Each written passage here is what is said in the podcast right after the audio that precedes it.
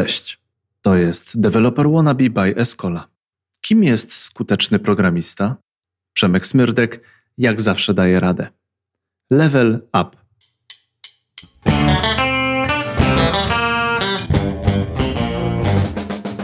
Jaki jest problem z nauką programowania? Podobno 99% materiałów do nauki to jest kurs, kurs odnoszący się do technologii. Mamy w tym zawodzie sporo uprzedzeń, mamy sporo uprzedzeń również motywacyjnych, no do coachów, takich tam, którzy zepsuli nam nasze spojrzenie na wiedzę z wielu dziedzin nietechnicznych. Kiedy rozmawiałem z Przemkiem o tym podcaście, zastrzegłem, nie może być coachowego bullshitu. A Przemek mówi, nie będzie, damy radę. Programowanie to jest więcej niż technologia, bo na przykład pracujemy w zespołach, komunikujemy się mniej lub bardziej skutecznie. No, po prostu musimy umieć pracować, pracować pod presją klienta, czasu, deadline'ów. No, bottom line jest taki, że programista musi umieć pisać i komunikować się, no inaczej to siedzi tylko w piwnicy, pije kawę. Kawa to ogólnie jest ok. Z Przemkiem Smyrtkiem porozmawiam, kim jest skuteczny programista i właśnie po to jest Level Up.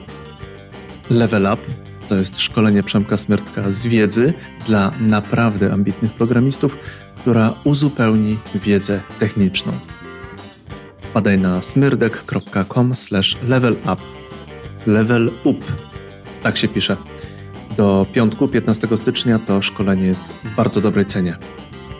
Zapraszam do rozmowy z Przemkiem Smyrtkiem o skutecznym programiście. Level Up. Dzień dobry, to jest Developer Wannabe Podcast. Podcast, do którego zapraszam mądre głowy. Zadaję tym mądrym głowom pytania.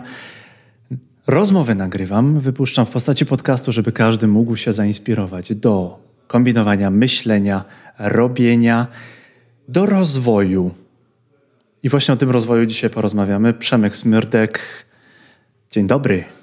Dzień dobry, witam serdecznie. Dzięki za zaproszenie. Trzeci raz jesteś. Tak, tak się, tak się składa, że jestem trzeci raz. E, tak sobie podróżuję po tym świecie programowania i czasami e, gdzieś tam się spotykamy w tematach, które interesują i mnie i ciebie.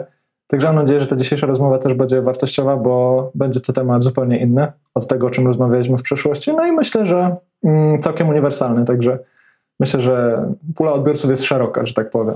Ten podcast nagrywamy na początku 2021 roku. Jeszcze w głowach mamy postanowienia noworoczne, nowy rok, nowa ja. I póki te postanowienia noworoczne nie znikną w naszej głowie, nie zostaną przysypane obowiązkami, natłokiem obowiązków, tymi głupotami, które się dzieją wokół nas, Mam nadzieję, że z naszej rozmowy, drodzy słuchacze, wyciągniecie coś fajnego, a Przemek Wam o tym opowie. I będziemy rozmawiać o skutecznym programiście, o tym, co robić, co i jak, w którą stronę iść, no i od czego zacząć. Przemku, skuteczny programista, co to w ogóle jest? Czy to jest jakiś ciekawy buzzword? No, powiem tak, temat jest zabawny yy, i smutny i może taki w pewnym sensie reprezentujący jakieś tam wyzwania przed każdym, kto w tej branży mm, pracuje. Czemu to jest temat zabawny? No właśnie między innymi dlatego, mm, dlatego co powiedziałeś, to znaczy kiedy, kiedy ktoś mówi w naszej branży o tym, że programista może być skuteczny albo że możesz kierować się w stronę pracy jako skuteczny programista, no to niestety w większości z nas e, na myśl przychodzą takie tematy jak właśnie coaching, jakaś tam tania motywacja, możesz wszystko, tu już może nie będziemy wymieniać jakby wszystkich nazwisk, tak, ale no e, na pewno, na pewno coś z tą całą branżą rozwojową jest nie tak, być może w naszym kraju, być może na całym świecie. E, i to powoduje, że, że cały ten temat rozwoju swoich kompetencji, miękkich i twardych, no jest w pewnym sensie zarażony. Tak jak mamy teraz wirusa, tak powiedzmy niektóre osoby w pewnym sensie zainfekowały cały temat rozwoju takimi może niewłaściwymi, nie za bardzo odpowiedzialnymi podejściami czy tam praktykami. No i w konsekwencji my, między innymi jako programiści, mm, też na to wszystko reagujemy alergicznie, więc kiedy ja ci napisałem o tym, że mm, chciałbym porozmawiać o tym, kim jest skuteczny programista, no to ty od razu powiedziałeś, że tak jak, tak jak wspomniałeś, że spoko, ale, ale nie będzie coachingowego bullshitu. Tymczasem cały ten temat jest... Yy, no, dużo szerszy i dużo bardziej praktyczny niż mogłoby się wydawać. Gdzieś tam badania wskazują, że e, już 30 lat temu mm, zauważono, że, że praca umysłowa to nie jest tylko e, twarda praca nad zadaniami technicznymi, ale to jest kilka składowych. No i gdzieś około 93 roku powstał taki model e, opisywania tego, czym właściwie jest praca umysłowa. No i naukowcy doszli do powiedzmy, do, do, do powiedzmy porozumienia, czy do jakiegoś takiego wspólnego e, ujednolicenia tych pojęć wokół pracy, pracy umysłowej. No i stwierdzili, że mm, praca umysłowa składa się z takich dwóch składowych. Po pierwsze, task performance to są te twarde kompetencje, które znajdziemy w ogłoszeniu o pracę. Wszystko to, co w programowaniu mm, może kojarzyć się na przykład z implementowaniem wymagań, z utrzymywaniem systemów, z projektowaniem architektury, z tym, jaki masz stos, z tym, czy jesteś angularowcem, reaktowcem, javowcem, dotnetowcem.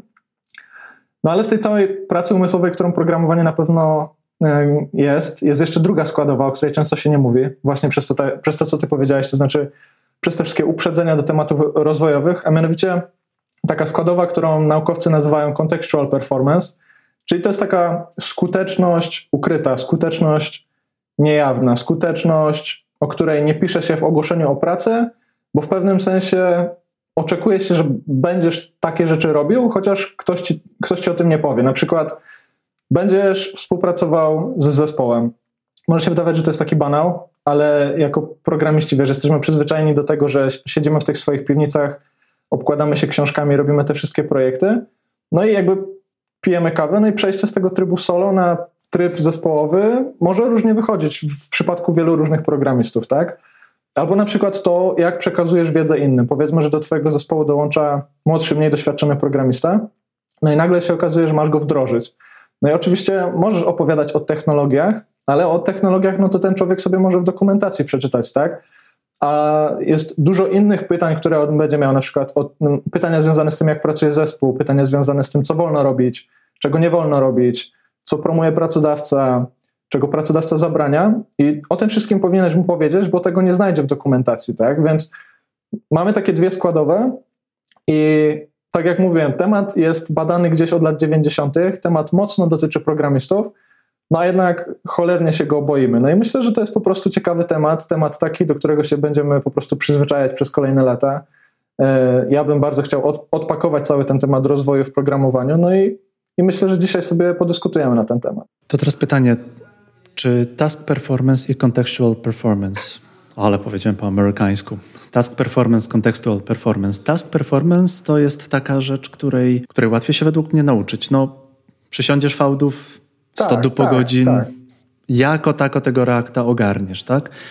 A contextual performance wychodzi, że to są umiejętności miękkie, które trzeba ogarnąć, które trzeba mieć, bo to trzeba się też komunikować z ludźmi. A to nie zawsze się da nauczyć. Czy da? No właśnie, jeśli, jeśli nie zamoczysz się i nie wejdziesz do tej wody, powiedzmy, nie wiem, pracy zespołowej i tylko będziesz czytał o tym, jak to się pracuje w zespole, no to na, na przykład w języku amerykańskim jest takie rozgraniczenie pomiędzy knowledge a wisdom, tak? To znaczy będziesz miał tą knowledge, będziesz miał suche fakty związane z tym, jak się pracuje w zespole, ale nigdy nie zbudujesz tego wisdom, czyli takiej wiedzy praktycznej na przykład. Tak? Myślę, że możemy sobie to po prostu spolszczyć i, i, i rozmawiać tutaj o takich y, kontekstach, o, o wiedzy kontekstowej, o jakimś takim powiedzmy y, odnajdywaniu się w różnych aspektach naszej pracy, mm, które są po prostu trudne do mm, powiedzmy do nauczenia się czytając książki albo zupełnie ignorując ten temat, tak? A na pewno wchodzą w skład tego, jak oceniał cię będzie pracodawca czy, czy przełożony.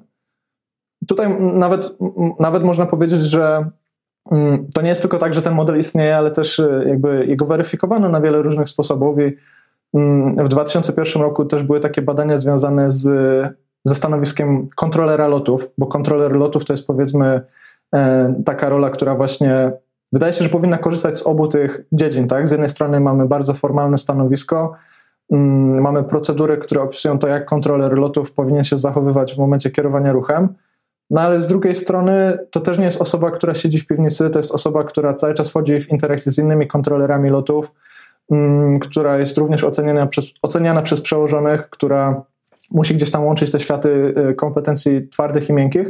No i w, tak jak powiedziałem, w 2001 roku przeprowadzono takie badanie, no i okazało się, że faktycznie w pracy kontrolera lotów widać takie dwie odrębne składowe tego, jak dana osoba jest oceniana. Mm, są sytuacje, w których w 100% liczy się to, jak dobry jesteś w tych twardych kompetencjach po prostu kierowania ruchem, ale są też sytuacje, mm, które na przykład wpływają na to, jak oceniacie pracodawcę, a nie mają nic wspólnego z Twoim zawodem, czyli na przykład chociażby współpraca z innymi, albo to, e, czy jesteś otwarty na jakieś nowe technologie, albo na jakieś nowe praktyki, albo czy jesteś w stanie, wiesz, wyjść poza biuro i porozmawiać o swoim pracodawcy z kimś innym, tak? Więc mm, ten temat się bada, ten temat się weryfikuje przez lata. Nie jest, jeszcze, nie jest to na pewno taka wiedza jak twarda wiedza inżynieryjna, ale myślę, że w kolejnych latach, jak tylko będziemy tym tematem zainteresowani, to jeszcze na niejedno fajne odkrycie tutaj wpadniemy. I chyba znalazłeś tak naprawdę lukę, bo tutaj jest ten temat, który omawiamy, o ogarnięciu nie tylko umiejętności technicznych, ale też tych umiejętności interpersonalnych, o tych, tych miękkich umiejętnościach, o tym contextual performance. To ja nie wiem, czy to przypadkiem nie jest taka, taka luka, która, luka, nisza, która jest przez ciebie w tym momencie zapełnia, zapewniana, zapełniana. Dlaczego? Pracuję w firmie IT i czasami mam problem z dogadaniem się z kolegami, bo mówimy innymi językami, bo ja niestety jestem człowiekiem wykształconym e, filologicznie i ja czasami potrafię opowiadać, opowiadać, opowiadać. Sami to słyszycie, no po to założyłem ten podcast, żeby gadać też, no przynajmniej żeby gadać z mądrymi ludźmi. A tutaj odpowiedź dostaję tak albo nie. I ja w tym momencie albo nie wiem. Czemu tak wałkujesz ten temat, skoro on jest taki prosty i oczywisty, albo czemu nie sprawdzisz samemu, albo czemu nam znowu czas zabierasz i tak dalej, i tak dalej. Zgaduję, zgaduję, ale pewnie to są przypadki, które widzimy, wiesz, często, no tak, jakby na styku różnych ról, na styku różnych branż, to jest właśnie ten, ten etap, kiedy ludzie muszą po prostu się dogadać, pomimo tego, że w żadnej ofercie o pracę nie pisze, że ludzie się powinni dogadywać. No i teraz pytanie, czy potraktujesz to jako właśnie taki coachingowy bullshit, że trzeba się dogadać i że to czyni z ciebie dobrego pracodawcę, czy stwierdzisz, ok, dowiem się, jakie są techniki, poczytam troszkę książek, e, spróbuję mieć troszkę więcej cierpliwości w stosunku do osób, które pracują trochę inaczej. Zależy od Twojego podejścia. Ja myślę, że, ja myślę, że w programowaniu gdzieś to wciąż nie jest oczywiste, ale no gdzieś tam przez to, że mnie jakby naturalnie ciągnie do takich tematów, no to ja tam próbuję ten temat eksplorować. I tak jak powiedziałem, to nie jest tak, że, że, że jednym kursem, czy szkoleniem, czy czymkolwiek innym, powiedzmy, przekonam kogoś, że warto, ale Mogę po prostu odesłać do badań, mogę opowiedzieć kilka historii. Myślę, że myślę, że jeśli, jeśli, jeśli spróbujesz, to zobaczysz efekty. Jeśli nie spróbujesz, no to to, to, to up to you. No. Na ile musi nastąpić zmiana mindsetu u developer wannabe, żeby developer wannabe ogarnął, że programowanie to nie tylko technologia, ale też wszystko dookoła i tak naprawdę twardy biznes to jest jakby druga ręka. Ja myślę, że tak, na samym początku też nie ma co wybiegać za bardzo przed szereg i myślę, że te początkowe etapy pracy takiego szczególnie początkującego programisty to powinno być po prostu skupienie się na tym, żeby dobrze robić swoją robotę, że tak powiem, e, żeby wiedzieć, czym jest technologia, którą się posługuje, żeby zrozumieć ten język e, związany na przykład z frameworkiem, z biblioteką, z programowaniem, żeby nauczyć się słownictwa, jakichś takich powiedzmy konceptów technicznych, żeby wiedzieć, przyjdzie ktoś do ciebie i powie ci, że stosujesz niewłaściwy wzorzec projektowy, no to dobrze by było wiedzieć, o co w ogóle chodzi we wzorcach projektowych, tak? Albo na przykład ktoś ci powie, że nie wiem, jakaś e, usługa, usługa na, nie wiem, na AWS-ie na przykład powiedzmy cechuje coś takiego jak eventual consistency, czyli jakiś tam kolejny koncept techniczny, no to też fajnie by było e, jakby rozumieć te wszystkie terminy i pojęcia.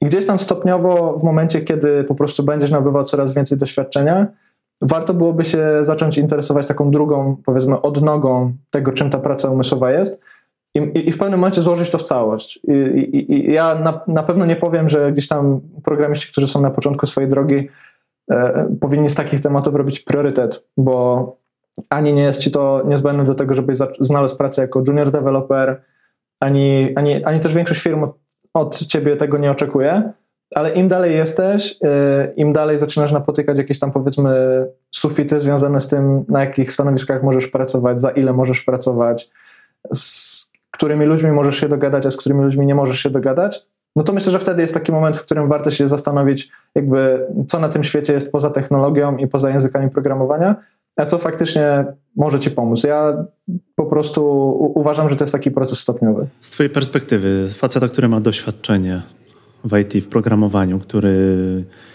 ma swój podcast, który ma swoje programy edukacyjne, tak? Faceta, który umie w Angular.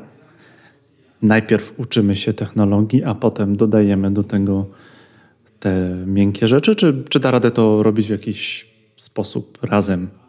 Ja myślę, że tak. Ja myślę, że warto dojść do takiego poziomu, w którym po prostu jesteś, e, w którym po prostu czujesz się swobodnie w tematach związanych z technologią.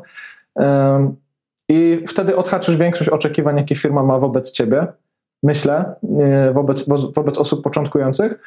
I dopiero gdzieś tam później można się interesować e, tym, tym, o czym tutaj dzisiaj rozmawiamy.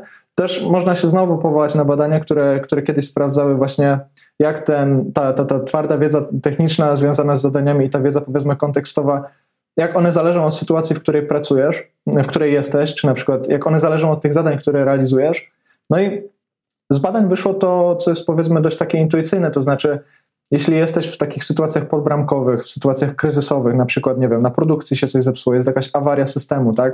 Czyli, czy na przykład, nie wiem, w sytuacji kontrolera lotów ten samolot gdzieś tam zaczyna spadać albo go tracisz, to wtedy nie ma za bardzo miejsca na improwizację i na to, żebyś odsłaniał to, kim tak naprawdę jesteś, wiesz, jakby jako osoba, tak? Wtedy musisz podążać procedurami, krokami, politykami, procesami, które zostały wcześniej zdefiniowane i tutaj idealnie byłoby, że niezależnie kogo wsadzimy w to miejsce, a on będzie w stanie po prostu, wiesz, podążać tym procesem, czyli tymi twardymi skillami, powiedzmy, no to, to taka osoba po prostu zrobi to, co do niej należy. Ale właśnie również w badaniach wyszło, że im bardziej obniżamy ten poziom presji, jeśli chodzi o zadania, które realizujemy, a na przykład właśnie programowanie jest takim, takim zawodem, gdzie tej autonomii jest e, całkiem sporo i powiedzmy, no większość sytuacji to nie jest e, ratowanie samolotów, które spadają, no to tutaj coraz, wie, coraz większe pole do popisu ma właśnie ta wiedza kontekstowa, czyli to, czy na przykład napiszesz do osoby z innego działu, czy na przykład będziesz proaktywny, tak? czy na przykład weźmiesz na siebie troszkę więcej odpowiedzialności, czyli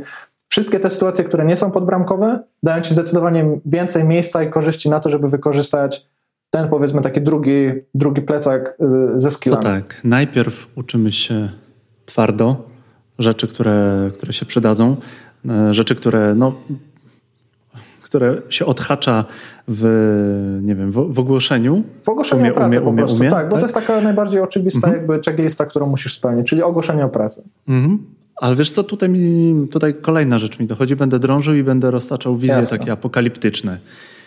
Czy nie przegniemy w drugą stronę? Wiem, że ludzie przyjmujący do pracy również sprawdzają, w jaki sposób się programista komunikuje. Koniec końców oni go przyjmą, bo tych doświadczonych programistów jest mniej. E, juniorów jest mnóstwo, programistów doświadczonych jest mniej i mnóstwo programistów jest tak naprawdę na wagę złota. Czy to nie będzie przegięcie w drugą stronę, że teraz będziemy też patrzeć, oprócz tego, że umiesz wspaniale programować, to czy umiesz mówić, pisać i tak To znaczy, dalej? wiesz, myślę, że nikt jeszcze nie wymyślił wzoru ani jednego konkretnego przepisu na to, czy 73% powinieneś poświęcić na to, a 27% na to, albo, albo troszkę inaczej. Ale no, to, to jest tak. To, co ja powiedziałem wcześniej, to jest trochę taka bezpieczna, e, bezpieczna porada osoby, która już ma troszkę doświadczenia i, i może sobie pozwolić, żeby na tych rozmowach odsłaniać się troszkę bardziej.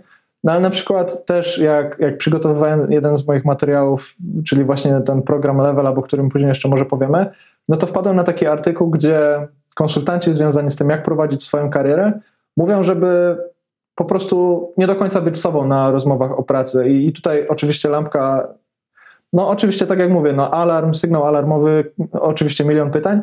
Po prostu na samym początku, kiedy ludzie są nieufni, kiedy nie zbudowałeś zaufania, kiedy nie udowodniłeś, że potrafisz robić to, co potrafisz robić, to możesz sobie po prostu robić pod górkę w pewnym sensie. To znaczy, e, możesz generować jakby więcej pytań, niż dawać odpowiedzi na to, czego szuka na przykład taki rekruter, tak? Czyli możesz, możesz na przykład powiedzieć o jakimś swoim doświadczeniu, które spowoduje, że, że proces się przedłuży, na przykład rekrutacyjny, tak? Albo na przykład możesz powiedzieć o, mm, o, o tym, jak na przykład podchodzisz, no nie wiem, już takie bardzo skrajne tematy do jakiejś, nie wiem, mniejszości, do, do, do, do przedstawicieli innej płci i tak dalej, i tak dalej, czyli twoich bardzo osobistych opinii, do których masz prawo, ale po prostu rekruter może akurat tego nie szukać, tak? To znaczy jest takie, jest takie, jest takie powiedzmy powiedzenie, czy, czy, czy jakaś taka porada, że e, jeśli chodzi o myślenie, no to myśl sobie tak, o czym chcesz i, i, jak chcesz i miej sobie swoje opinie, no ale jeśli chodzi o mówienie, czy tam takie relacje międzyludzkie, no to nie ma się co za bardzo wybijać przed szereg i myślę, że rozmowy rekrutacyjne to też jest jedna z takich sytuacji, to znaczy rekruter ma tam jakieś e, oczekiwania wobec ciebie, na pewno tak jak powiedziałeś, im lepiej mówisz o sobie, im ciekawsze masz portfolio, im bardziej jesteś taki nieszablonowy w pewnym sensie i pokazujesz, że ci zależy, a nie masz, wiesz, kolejną aplikację to-do zrealizowaną, to to jest wszystko na plus, ale, ale jakby nie, nie, nie przeginałbym, może tak powiem, nie przeginałbym jakby i, i za cel, pamiętajmy jakby o celu tego procesu, czyli o, o znalezieniu pracy, tak? Za cel obrałbym sobie odhaczenie punktów, które dają mi pracę, a nie pokazanie tego, jak wielkim indywidualistą jestem, tak, e, jak bardzo inaczej pracuję, jak bardzo inaczej myślę o świecie. No bo to są takie kwestie, które na przykład e, twoje ego gdzieś tam połechcą, sprawią, że się dobrze poczujesz. Ja też z Marcinem, e, z drugim z przeprogramowanych często o tym rozmawiam. No, to nie jest, to nie jest taki oczywisty temat, tak? Myślę, że myślę, że jak Marcina zaprosisz do podcastu, to on tutaj ci, ci, ci powie troszkę, coś troszkę innego, ale no to jest taki, taki szary, szary temat troszkę, tak? Ale ja, ja akurat jestem zdania, że warto najpierw dołączyć do firmy, a potem w firmie pokazywać stopniowo, jak na przykład firma mm, przekonuje się do ciebie i ma coraz więcej zaufania względem tego, co robisz i jak robisz, wtedy warto się odsłaniać i pokazywać, ok, przyjęliście mnie, bo jestem dobrym ogarniaczem technologii, ale mam jeszcze to i to, na przykład jestem dobrym grafikiem, albo na przykład piszę dobre kopie, więc pomogę wam z marketingowymi tematami, albo na przykład, wiesz, y, potrafię coś tam poukładać, ale to tak jak mówię, musisz sobie nazbierać tego zaufania, tej powiedzmy waluty, bo też czasami tak się to zaufanie określa, a dopiero gdzieś tam wtedy y, wykorzystywać te swoje jakby unikalne i skille i doświadczenie i może tą, tą wiedzę taką niestandardową. To jakbym miał się ciebie spytać, drogi Przemku, jest sobie skuteczny programista, to, to kto to jest? To ja może odpowiem taką, mm, taką ciekawą historią jednej z, jednej z prezentacji, które też właśnie gdzieś tam po, po YouTubie latają. To jest prezentacja Grega Younga, czyli jednego z najbardziej znanych konsultantów y, ze świata właśnie software'u i, i osoby, która propaguje takie idee jak chociażby event sourcing, domain driven design i tak dalej, który opowiada o historii zespołu programistycznego, przed którym postawiono zadanie zaimplementowania systemu do obsługi faktur i dodatkowo wyceniono to zadanie na 9 miesięcy.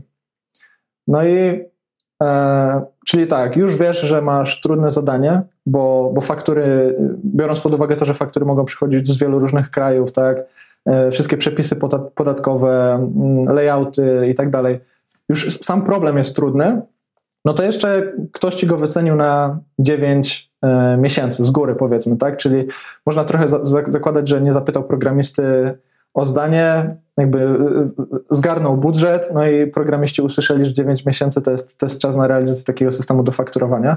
No i, i właśnie Greg Young w tej prezentacji opowiada, jak oni podeszli do tego tematu, bo wszystko zaczęło się od e, rozmowy z ekspertem od e, finansów, od księgowości i długich spotkań. To znaczy ten zespół, który miał za zadanie zaimplementować ten system, e, siedział sobie na kolejnych spotkaniach tydzień, dwa i rozmawiał o tym e, z ekspertem, powiedzmy ekspertem domenowym, o tym jak to skomplikowane są te faktury, o tym jak to trudne jest do zaimplementowania, o tym jak to po prostu, ile, ile jakichś przypadków pobocznych, jakichś edge case'ów w tym wszystkim jest.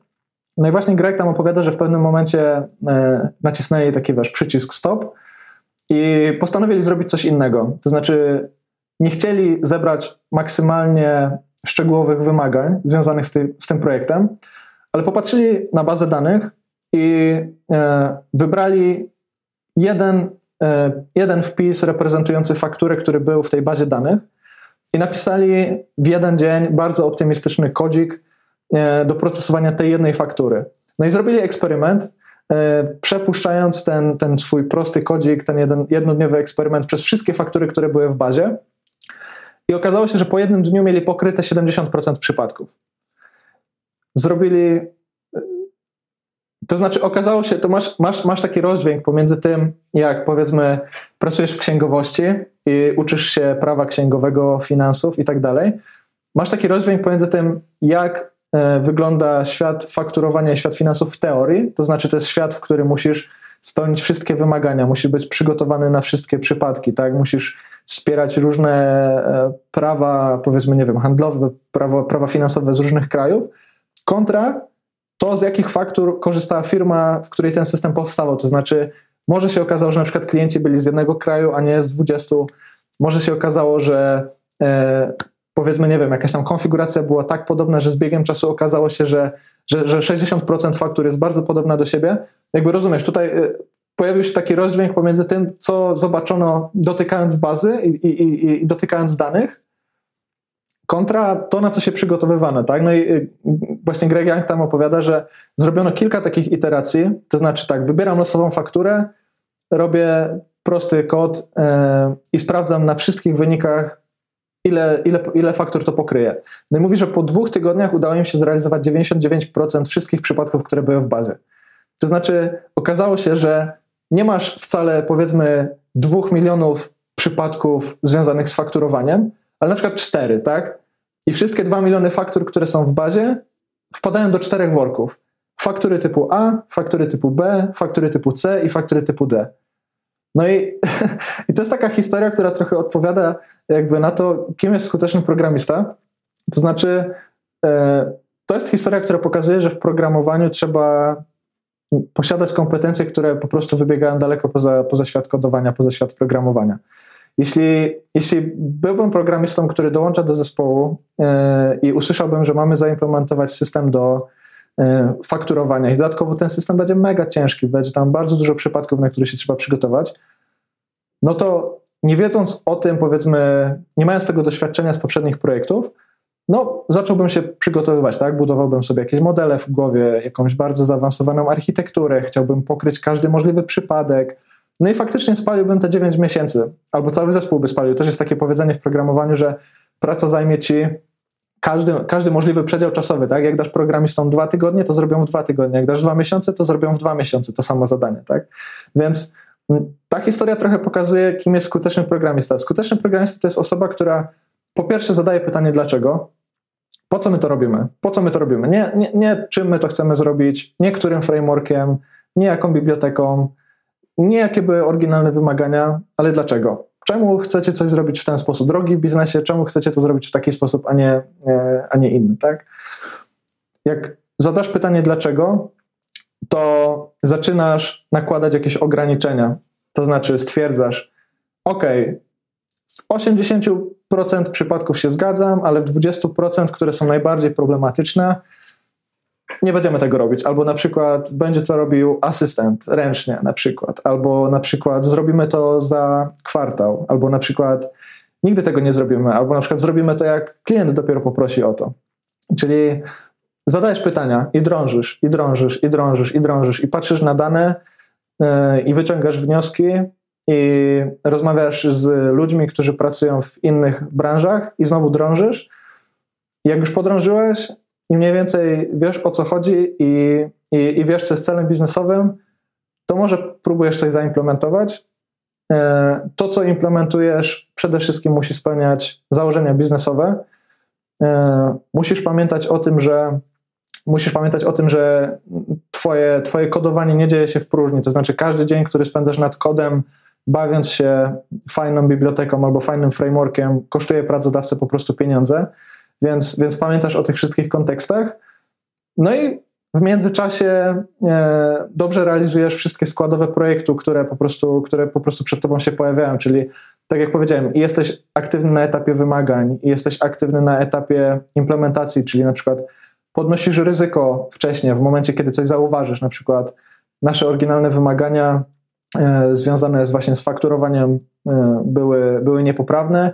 Musimy się przygotować na jeszcze jeden przypadek, który wydłuży czas realizacji projektu o, o, o na przykład miesiąc albo dwa tygodnie, tak? Czyli aktywnie patrzysz na to, co robisz. Nie jesteś takim robotem, który dostał kartkę papieru, na której jest napisane if, then, this, some, something else, tylko po prostu jesteś aktywny, patrzysz na to, co robisz, zadajesz pytanie dlaczego, rozmawiasz z biznesem no i dowozisz, no i dowozisz, dowozisz. Tutaj mówisz o odpowiedzialności, o tym takim, chyba nawet Mireczek, e, na, Mirek Burnej mówi extreme ownership, czy ekstremalna odpowiedzialność. Aha.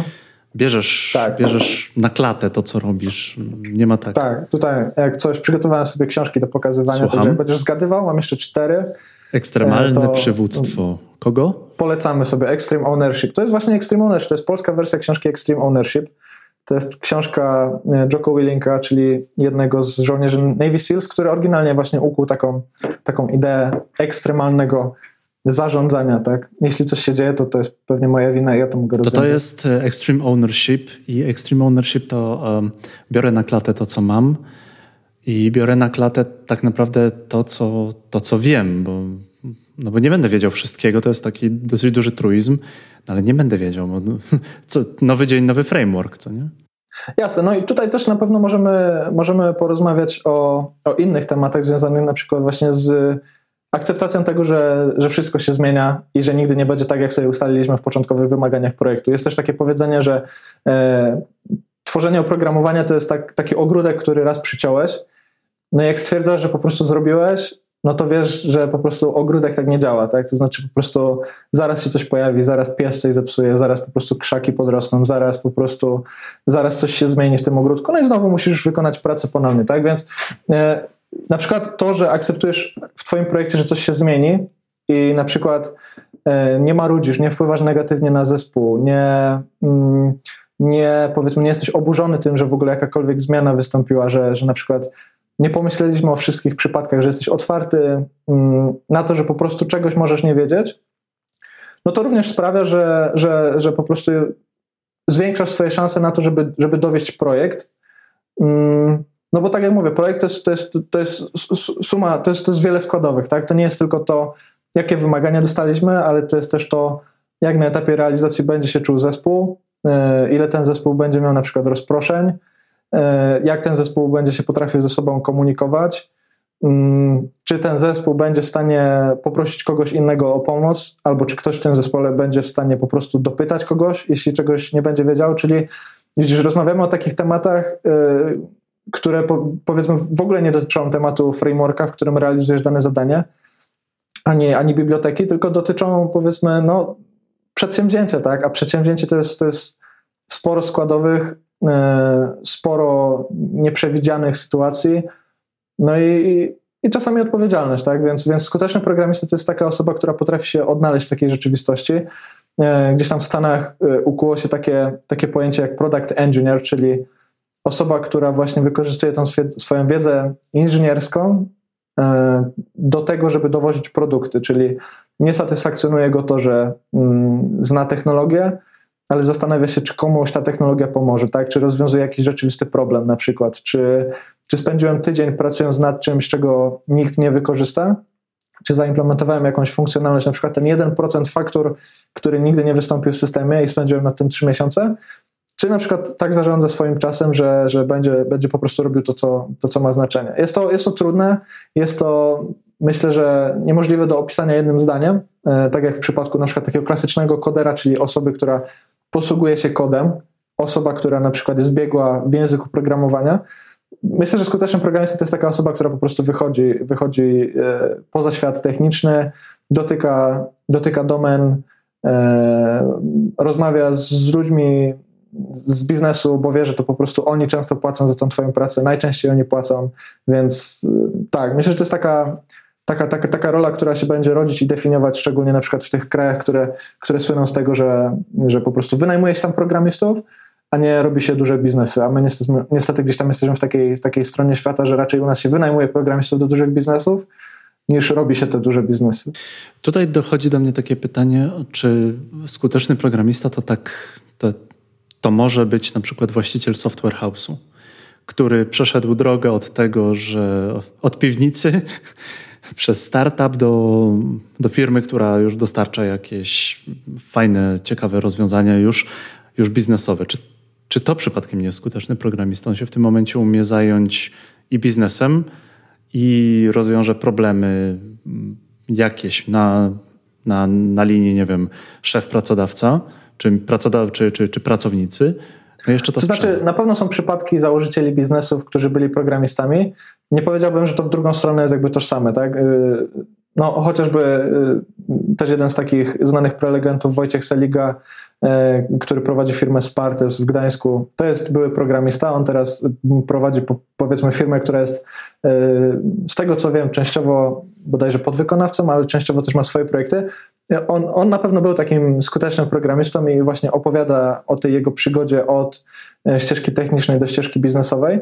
Mm, ale tak jak mówię, to nie, jest, to, nie jest wcale, to nie jest wcale tak, że na przykład celem skutecznego programisty jest prowadzenie biznesów, tak? Bo możesz spokojnie spędzać 8 godzin pracując na etacie, pracując dla kogoś yy, i po prostu pracować nieco inaczej niż, niż taki typowy koder programista, tak? który dostaje wymagania, siedzi, klepie, oddaje kod, a potem się okazuje, że, że nikt tego nie chce, tak, na przykład. Więc, więc myślę, że myślę, że tak, myślę, że szczególnie na przykład w tych też, w tych rejonach świata, no powiedzmy, no Dolina Krzemowa to jest taki najlepszy przykład, gdzie na przykład e, programiści są znani z tego, że, że tworzą biznesy, no to w tych rejonach świata znajdziesz najwięcej takich programistów, którzy po prostu reprezentują takie postawy, ale też uczą się od poprzednich pokoleń, które już tak robiły, czyli od ludzi, którzy najpierw spędzili, nie wiem, 10-15 lat pracując w zawodzie, a potem eksperymentowali z własnymi biznesami. No i myślę, że z każdym pokoleniem to się będzie mogło zmniejszać. Tak jakby e, kiedyś musiał, kiedyś, kiedyś potrzebowałeś 15 lat, teraz będziesz potrzebował na przykład 5 lat, żeby zrozumieć to, jak działa trochę branża i powiedzmy wyjdziesz troszkę obok i, i będziesz mógł eksperymentować z produktami swoimi na przykład. Powiedzieliśmy o programiście, programistce, o tej osobie skutecznej w IT. To jest osoba, która ogarnia technologię, rozumie konteksty, znajduje konteksty, zadaje sobie pytanie, dlaczego. Simon Sinek, why? Start, start with why. Start with why. Dobra. Mówiliśmy o extreme ownership, o ekstremalnej odpowiedzialności. Mówiliśmy o współpracy. Myślę, że można powiedzieć jeszcze co nieco o komunikacji, bo też też taki ciekawy temat, który jest po prostu warty tego, żeby to był punkt w naszej rozmowie, bo wspomniałeś o tym, że ty jako osoba, która gdzieś tam ma doświadczenie z filologiem, tak? ma trudności w momencie rozmawiania z osobami technicznymi. No jak myślisz, skąd to wynika jakby? Ja już się nauczyłem. Ja nie idę straight to the point. Ja nie idę um, od razu tak, tak, tak do środka. Tutaj anegdota. Gdzieś kiedyś słyszałem taką rozmowę w moim otoczeniu, kiedy programista mówi, no po co pisać taką, taką, taką wielką książkę? No, no ten, ten bohater wziął siekierę i zabił tamtą kobietę. No i po co pisać taką wielką książkę? Po co ten Dostojewski pitał taką książkę, tak? No tak, no. tak, tak. Prawda? Prawda? Ja to, ja to rozumiem. Ja się już nauczyłem iść, iść i zadawać pytanie. Ewentualnie robić jedno zdanie wprowadzenia i wtedy pytanie. To jest o, o, o, o ile się spotykają przedstawiciele powiedzmy innych branż, no to okej, okay, powiedzmy, że to jest jeszcze jakieś, jakoś, powiedzmy, łatwiej, łatwiej zrozumiałe, tak? Łatwiej nam przychodzi rozumienie takich sytuacji, że, że programista z nieprogramistą się nie, nie dogaduje, no ale jednak świat y, pokazuje i historia pokazuje, że dużo było przypadków w przeszłości programistów i inżynierów, którzy się nie dogadywali ze sobą. Na przykład jest jedna z takich historii związana na przykład z sondą, którą wysyłano na Marsa końcem lat 90., e, która to na tym Marsie się rozbiła po e, bodajże 7 czy 8 miesiącach lotu E, to znaczy, Amerykanie wysyłali sondę. Mm, cały zespół tak naprawdę odpowiedzialny za taką sondę. Mile kilometry, to o tym mówisz, o pomyleniu się? Chciałem powiedzieć o tym, że, że, że masz zespół, który po prostu pracuje w różnych strefach czasowych, jest przy, przyzwyczajony do różnych jednostek. Powiedzmy, że się komunikuje w taki sam sposób, bo tu inżynierowie i tu inżynierowie. A potem się okazuje, że 5 minut po tym, jak, jak sonda ma się przygotować do lądowania, no to sygnał się traci, bo się okazuje, że 170 kilometrów E, pomylił, pomyliłeś obliczenia i, i, i, sonda ląduje po prostu, wiesz, w ogóle atakuje tego Marsa pod złym kątem, e, pali się szybciej, rozbija się i, i musisz czekać dwa lata, żeby kolejną misję na Marsa podesłać. Cały misterny plan, jak to mówił Siara. No i widzisz, no i masz, wiesz, masz, masz, masz inżynierów, którzy po prostu chodzili do podobnych szkół, posługują się podobnym językiem, e, robią jeden projekt, bo każdy z nich wiedział, że robi sondę na Marsa, a nie, nie wiesz, odkurzacz I każdy pewnie samochód. uczciwie pracował. Każdy pewnie uczciwie pracował i gdzieś ten temat komunikacji zawiódł, tak, więc y, no ale myślę, że to, to też w pewnym sensie pokazuje, że jakby te problemy, które, które gdzieś tam mamy w programowaniu i ogólnie w całym świecie związanym z inżynierią jakąkolwiek, to nie są wcale takie szczególne problemy, tak? Czasami mówimy o tym, jaki to ten zawód programisty jest powiedzmy elitarny, tak, że że ci ludzie mają taką inteligencję ponadprzeciętną, że, że tyle zarabiają, no to tyle muszą potrafić, tak? E, ale okazuje się, że problemy są dość podobne, to znaczy ludzie się nie potrafią dogadać, e, projekty się ślizgają, budżety się nie spinają. Ktoś kogoś 80, nie lubi. Ktoś kogoś nie lubi. 80% y, pewnie gdzieś tam no, jakieś, już nie będę mówił o jakichś tam zasadach Pareto, tak, i relacjach 80-20, ale tak, no, jakby jak, jak podrążymy, to się okazuje, że to są, to są naprawdę branże takie jak wiele innych i, no i może, może to po, po, naszej stronie leży ten ciężar, żeby troszkę właśnie spuścić ciśnienia z tego zawodu, przyznać przed sobą, że, że czasami nie potrafimy ze sobą rozmawiać, że na przykład e, skupialiśmy się tak bardzo na technologiach, że, że cały taki czynnik ludzki powiedzmy przestał nas interesować.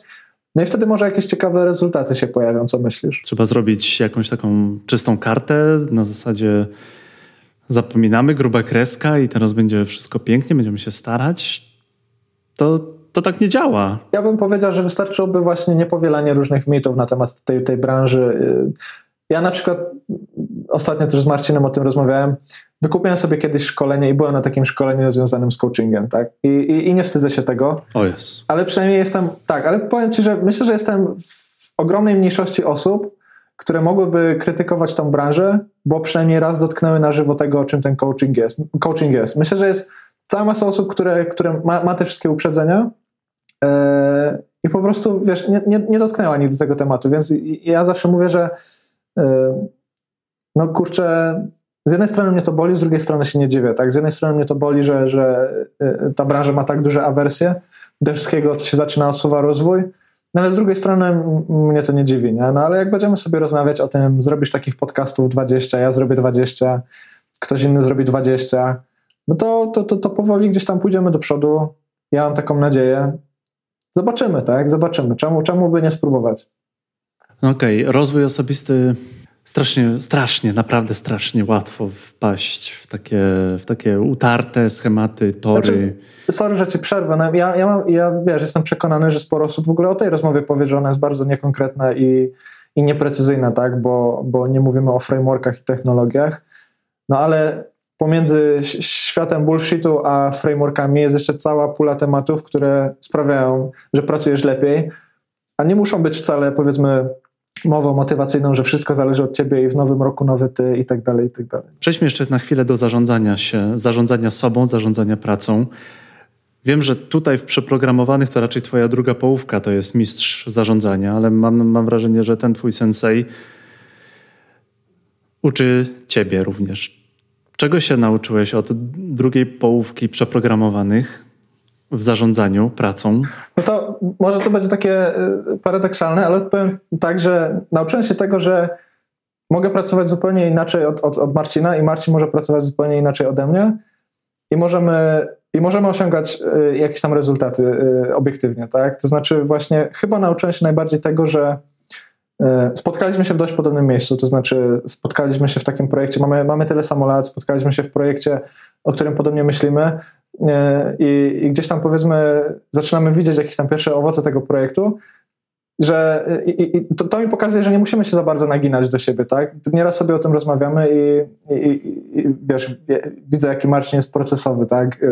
To jest człowiek, który idzie spać wtedy, jak ja tam zaczynam pewnie jakieś tam ostatnie zadanko, czasami jak na przykład pracuję nad czymś bardziej intensywnie. Człowiek, który wstaje trzy godziny wcześniej przede mną, człowiek, który przetestował pewnie wszystkie aplikacje do zarządzania czasem, e, no i, i, i jakby nauczyłem się to akceptować, tak? To znaczy, myślę, że dużą wartością, powiedzmy, spotykania się z różnymi ludźmi i, i, pracy w wielu różnych firmach jest to, że możesz się naoglądać tego wszystkiego, możesz zobaczyć to, jak ludzie podchodzą do swojej pracy, do organizacji czasu i tak dalej. A potem po czasie, jak już po prostu przetestujesz to wszystko i stwierdzisz, że powiedzmy, to byłbym Marcinem, a nie sobą, no to, to możesz sobie pomyśleć, jak, jak się pracuje tobie. Ja na przykład jestem o wiele mniej procesowy niż, niż Marcin, E, w ostatnim czasie, jak było mi prowadzić zespół, no to naturalnie gdzieś tam tych, tych praktyk musiałem do mojego dnia dorzucić trochę więcej, ale to są praktyki dość, dość proste.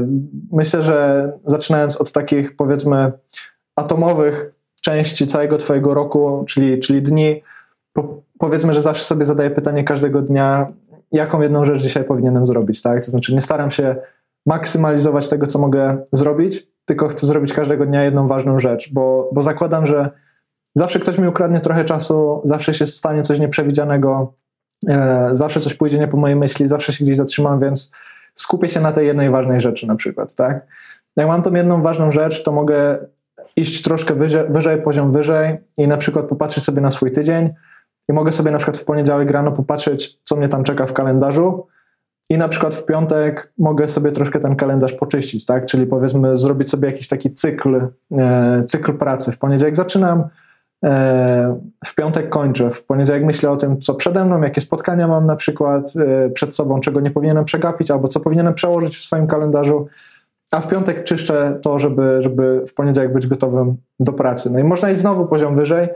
Jak już te tygodnie masz opanowane, czyli masz tylko 52 takie cykle w ciągu roku, no to możesz się zastanowić, w jakiej firmie pracujesz i, i czego od ciebie potrzebują, i możesz powiedzmy podejmować troszkę większe decyzje na przykład w kontekście pracodawcy, czy na przykład powinienem się zdecydować na jakieś szkolenie, tak, albo, albo powinienem wziąć na siebie jakiś projekt, który, który pozwoli mi powiedzmy pokazać przed tym pracodawcą, że, że, że warto mi płacić co miesiąc na przykład, tak, mm, więc, więc to są myślę takie dość, dość luźne, ale regularnie stosowane porady, które, które pozwalają mi gdzieś tam posuwać się do przodu. No ale też jakby nie ukrywam, też wiele osób mówi, pewnie jak się popatrzy wstecz za kilka lat, no to się okaże, że gdzieś tam, tam jakaś tam ścieżka była i tak naprawdę to byłem, wiesz, yy, bardzo procesowy, a teraz mi się wydaje to wszystko takie lekkie, nie? Ale, ale na dzień dzisiejszy staram się nie przeginać. Nie uważam Marcina za mojego senseja, jeśli chodzi o zarządzanie czasem. Raczej mamy po prostu dwa zupełnie inne podejścia do tego tematu. Sporo, sporo wspólnych, sporo, sporo różnic. Mm, no i, i, staram się po prostu tak działać, żeby mi to sprawiało satysfakcję. I, I, myślę, że to jest taki dobry tip dla każdego, czyli nie to, że musisz przejść przez wszystkie aplikacje Todo, ale no chociażby powiedzmy każdego dnia zadać sobie pytanie, co bym chciał dzisiaj zrobić, tak? Bo myślę, że wiele osób w ogóle sobie takich pytań nie zadaje. No tak, no, szczególnie ostatnimi czasy w pandemii to raczej jest taka proza, proza dnia i raczej tak, tak, tak, tak. No ja myślę, że ja myślę, że to jest jednak większość, tak? Ja może, ja może, może tak nie mam, może przez to, że po prostu mam tych swoich inicjatyw po godzinach troszkę i gdzieś tam no może aż tak nie rozkładam każdego dnia na czynniki pierwsze, tylko podchodzę tak bardziej, wiesz, dużymi takimi blokami, powiedzmy projektami, które realizuję, ale sporo osób to, to wszystko dotyka, tak, no i nie dziwię się temu, myślę, że moglibyśmy zrobić drugi podcast o tym, powiedzmy, jak sobie z tym, nie wiem, radzić, może sobie nie radzić, no, no nie, nie, nie, wiem, czy, czy, czy mam tutaj coś tak y, od strzała do powiedzenia ciekawego, bo, bo powiedzmy, im, im, im więcej pracuję, tym mniej mam ochoty na to, żeby powiedzmy, wiesz, nauczać, a, a, a widzę, że każdy po prostu troszkę inaczej sobie podchodzi do życia. Ja bym chciał jeszcze, żebyś opowiedział trochę o rynku pracy, bo y, my mówimy o tym, y, w jaki sposób się uczyć, w jaki sposób zdobywać wiedzę. Dochodzimy do tego, że najpierw powinniśmy ogarnąć, złapać podstawy techniczne. No najlepiej to się złapać, załapać jeszcze do, do jakiejś pracy, tam się rozwijać, rozwijać też swoje te kompetencje miękkie. I tutaj przychodzi rynek i, i, i, myślimy o zawodzie i uderza nas, ile milionów złotych można zarobić e, w IT. Jakie to są po prostu złote czasy tego IT. Ach, Boże, czuję te miliony, które na mnie padają, jak tylko wchodzę do IT. I jeszcze nic nie robię. No i tak, no i, i czy, czy, twoje pytanie jest, czy warto rzucić wszystko i wyjechać w programowanie, czy o to chcesz zapytać? Może inaczej, jak to naprawdę wygląda? Dla programistów pierwsza taka, taka e, wskazówka. E, no to o rynku pracy nie powie ci technologia ani framework, w którym pracujesz. E, technologia i framework to będą gdzieś tam takie wskazówki związane z tym, jak łatwo będzie ci się pracy szukać, ale nie powiedzą ci już, e, jak będzie ci się pracować, jak tą pracę znajdziesz. Mm, myślę, że może się mylę, może mnie ktoś tutaj poprawi w komentarzu, ale takie tematy jak na przykład właśnie kultura organizacji, to jak firma jest zorganizowana w środku, to jak zespoły pracują, e, to jakie są stanowiska, to jakie są e, możliwości rozwoju, awansu, to są tematy, na które programiści stosunkowo rzadko, szczególnie na tych początkowych etapach, zwracają uwagę. Znaczy, gdzieś tam pojawiają się raporty związane z tym, co się dzieje w branży, ale to są zazwyczaj takie raporty na zasadzie programiści w technologii .NET zarabiają tyle, a programiści w technologii Java zarabiają tyle, więc y, biorę to, co jest wyżej, odejmuję jedno od drugiego, tam gdzie zostaje powyżej zera, to tam idę na przykład, no nie? No ale, ale dobra, no wiesz teraz, że, że w tej Javie się więcej zarabia, bo w tym .NETcie się zarabia, no i teraz, i teraz co dalej? I no to, to jest tak jakby powiedzmy, nie wiem, yy, zakładam, że, że dealer BMW płaci więcej niż dealer tam, nie wiem, Łady albo Taty, Nano, Taty, yy, tego koncernu z Indii, no i, ale, ale tylko wiedząc to, powiedzmy, czy, czy praca w BMW powinna być twoim marzeniem? No myślę, że nie. Myślę, że tam jest dużo więcej czynników, które będą wpływać na to, jak, jakim powiedzmy dealerem samochodowym się będzie, tak? Czy tam pracownikiem takiego, takiego dealera. Czyli co, jak szukam pracy Więc... jako programista, mam jakieś doświadczenie, to warto patrzeć na możliwości rozwoju? Czy na kasę? Ja bym powiedział, że ja bym powiedział, że warto zrobić taki, takie śledztwo związane z tym, kim są ludzie w środku. Może, może pierwsza, pierwsza fundamentalna różnica pomiędzy firmami to zwrócenie uwagi na to, do jakiego typu organizacji dołączamy. Jeśli dołączymy do małego startupu, w którym pracuje 10 osób i oczekujemy, że w tym startupie ktoś pozwoli nam się specjalizować i bardzo głęboko wchodzić w dane tematy, eksplorować sobie, robić kółka naukowe i tak dalej, to nie ma szans. Nie? Jak chcemy, jak jesteśmy takim zwolennikiem e, testowania oprogramowania, robienia wszystkiego po bożemu, jak to robią duże znane firmy, no to pójdziemy do startupu i bardzo się mm, zawiedziemy. Więc, więc to warto mieć na uwadze. Z drugiej strony, jak dołączymy do korporacji i okaże się, że wokół, wokół nas jest y, sporo procesów i reguł, i, i praktyk, i polityk, y, i dołączymy do takiej korporacji z nastawieniem, że chciałbym robić cokolwiek, co mi danego dnia przyjdzie na myśl, no to też po prostu się rozczarujemy. Czyli pierwsza rzecz, jak duża jest firma, jaki to jest typ firmy, tak, na jakim etapie ona jest. Czy to jest firma, w której pracuje dużo osób, czyli daje ci tym samym możliwość, powiedzmy, specjalizowania się, pielęgnacji jakiegoś konkretnego kawałka kodu, czy to jest może firma, w której pracuje mało osób i to jest firma, która będzie od ciebie oczekiwać tego, żebyś wychodził poza to, na czym się znasz, żebyś pomagał ludziom, żebyś po prostu dawał te swoje ręce do pracy, Mm. I to sprawi, że po pierwsze unikniesz takiego szoku związanego z tym, że w firmie się dzieje nie to, co ty myślałeś, że się będzie działo, no nie? Bo i w korpo, i w startupie mogą tego dotneta wykorzystywać, ale ten, ten dotnet będzie wykorzystywany w zupełnie inny sposób, tak? Jeśli pójdziesz do startupu, no to w wielu startupach na przykład w ogóle nie zobaczysz testów, tak? Co wydaje się taką absolutnie fatalną praktyką, jeśli chodzi... Ola Kunysz, nie słuchaj. Tak, tak, no bo gdzieś tam, gdzieś tam pisać kodzik bez testów, no ale wiesz, może się okaże, że po prostu ten startup walczył o przeżycie, potrzebował pieniędzy, nawalał feature'y e, jak leciało. No i może to był po prostu sens istnienia tej firmy. Może to był główny powód, ten brak testów to był główny powód tego, że kiedyś z, tej, z tego startupu będzie duże przedsiębiorstwo. Może, może, nie wiem. Nie? E, pójdziesz na przykład, tak jak powiedziałem, pójdziesz do dużej firmy, na pewno jakiś taki budżet szkoleniowy, czy taki budżet na swoje inicjatywy będzie czymś, co łatwiej zdobędziesz niż w przypadku powiedzmy na przykład startupu, tak? bo bo no to też, też się pewnie zgodzisz, słyszałeś te wszystkie opinie o dużych korporacjach, gdzie no jednak można zdobywać y, budżet na różne przedsięwzięcia, tak? Można, można być sobie tam ekspertem od tematu X i, i powiedzmy może, może, może powiedzmy to jest, to jest taki temat, który, e, który, który też kogoś interesuje, tak? Więc e, o rynku pracy warto wiedzieć to, że, że typ organizacji e, wpłynie na to, jak będziecie tam pracować. Po drugie, sporo organizacji, sporo firm będzie mieć coś takiego jak wartości firmowe e, i te wartości będą e, wskazywać na to, co w danej firmie będzie promowane, co w danej firmie będzie na przykład, e, za co będziesz ganiany na przykład, albo kto będzie takim role modelem, czyli taką postacią, do której wszyscy dążą w tym programowaniu. I tak dalej, i tak dalej. I te wartości też mogą być spójne albo niespójne z tym, co Ciebie interesuje. Powiedzmy, że pójdziesz do firmy, gdzie, gdzie właśnie e, główną rolę od, odgrywa ten ownership, tak? Czyli oczekuje się od programistów, że od A do Z będą e, dowozić i, i, i, odpowiadać za temat, a ty byś chciał tylko kodować na przykład i co? I, i jakby... Ósma, szesnasta, no, no oczywiście. Ósma, no, szesnasta, potem dajcie tak? mi spokój, ja zbieram znaczki. Zbieram Też. znaczki, tak, tak, tak. Więc, więc myślę, że warto pownikać. Na pewno też warto zrobić taki research w internecie. Ja czasami coś takiego robię. E, to znaczy, szukam sobie pracowników tej firmy i patrzę na przykład na YouTube'a i szukam, szukam ich prelekcji. I to też daje mi jakąś wskazówkę, że na przykład pracując w tej firmie, dana osoba ma miejsce na to, żeby na przykład przygotować jakieś szkolenie, pojechać na jakąś konferencję, podzielić się wiedzą, albo nie ma takiego czasu. Jak nie ma takiego czasu i nie ma nigdzie osób z danej firmy, no to też można sobie zadać pytanie, co się tam dzieje i dlaczego. Tak? Może, może na przykład to jest firma na takim etapie, gdzie po prostu nie ma czasu na takie rzeczy.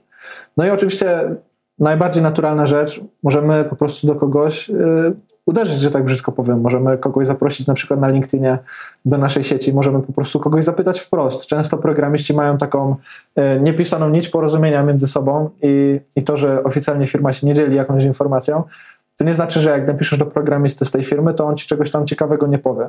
I właśnie tego bym przede wszystkim szukał, jeśli chodzi o, o poszukiwanie pracy i to, jak, jak yy, dowiedzieć się, do czego właściwie idziesz a nie patrzył na to, gdzie więcej zarobię, e, czy może która technologia jest najbardziej popularna. Tak? To znaczy wszystkie takie czynniki ukryte. Nie wiem, czy, czy się zgodzisz, że to ma sens.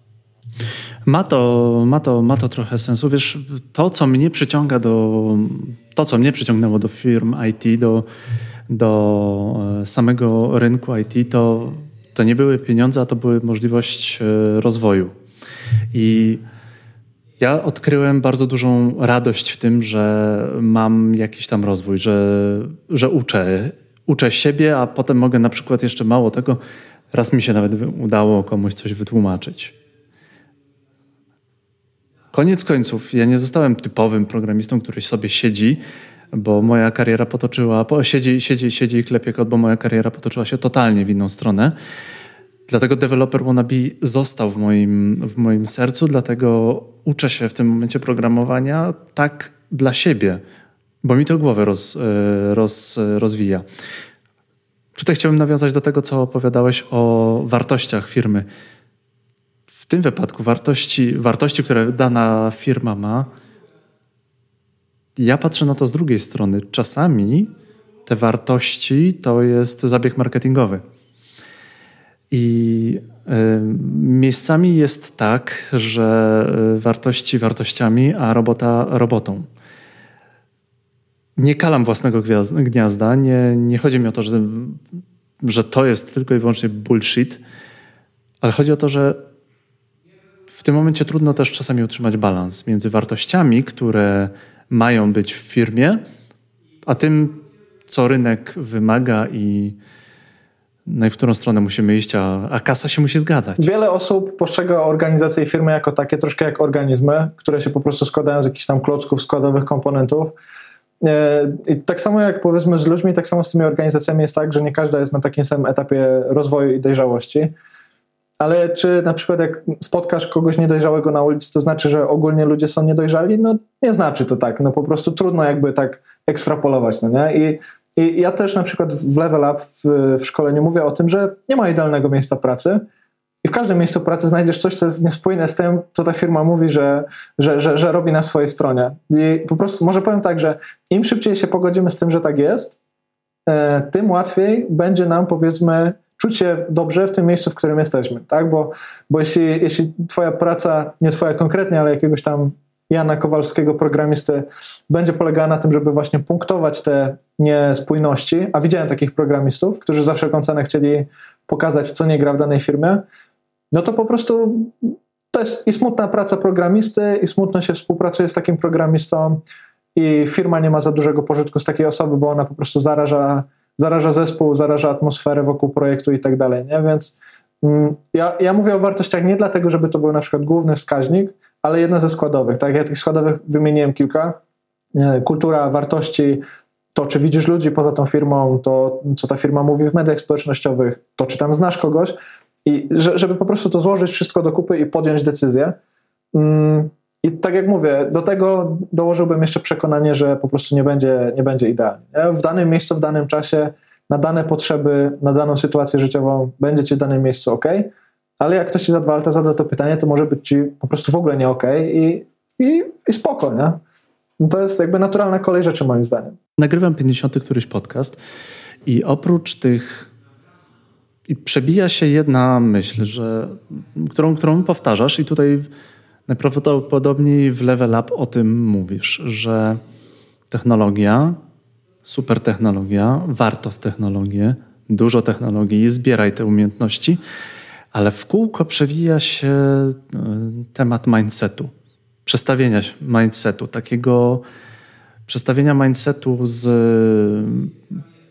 takiego twardego robienia na obserwację, na wyciąganie wniosków, na, na kombinowanie, na, na to, żeby, żeby łączyć kropki. Co mnie samego bardzo, bardzo przyciąga.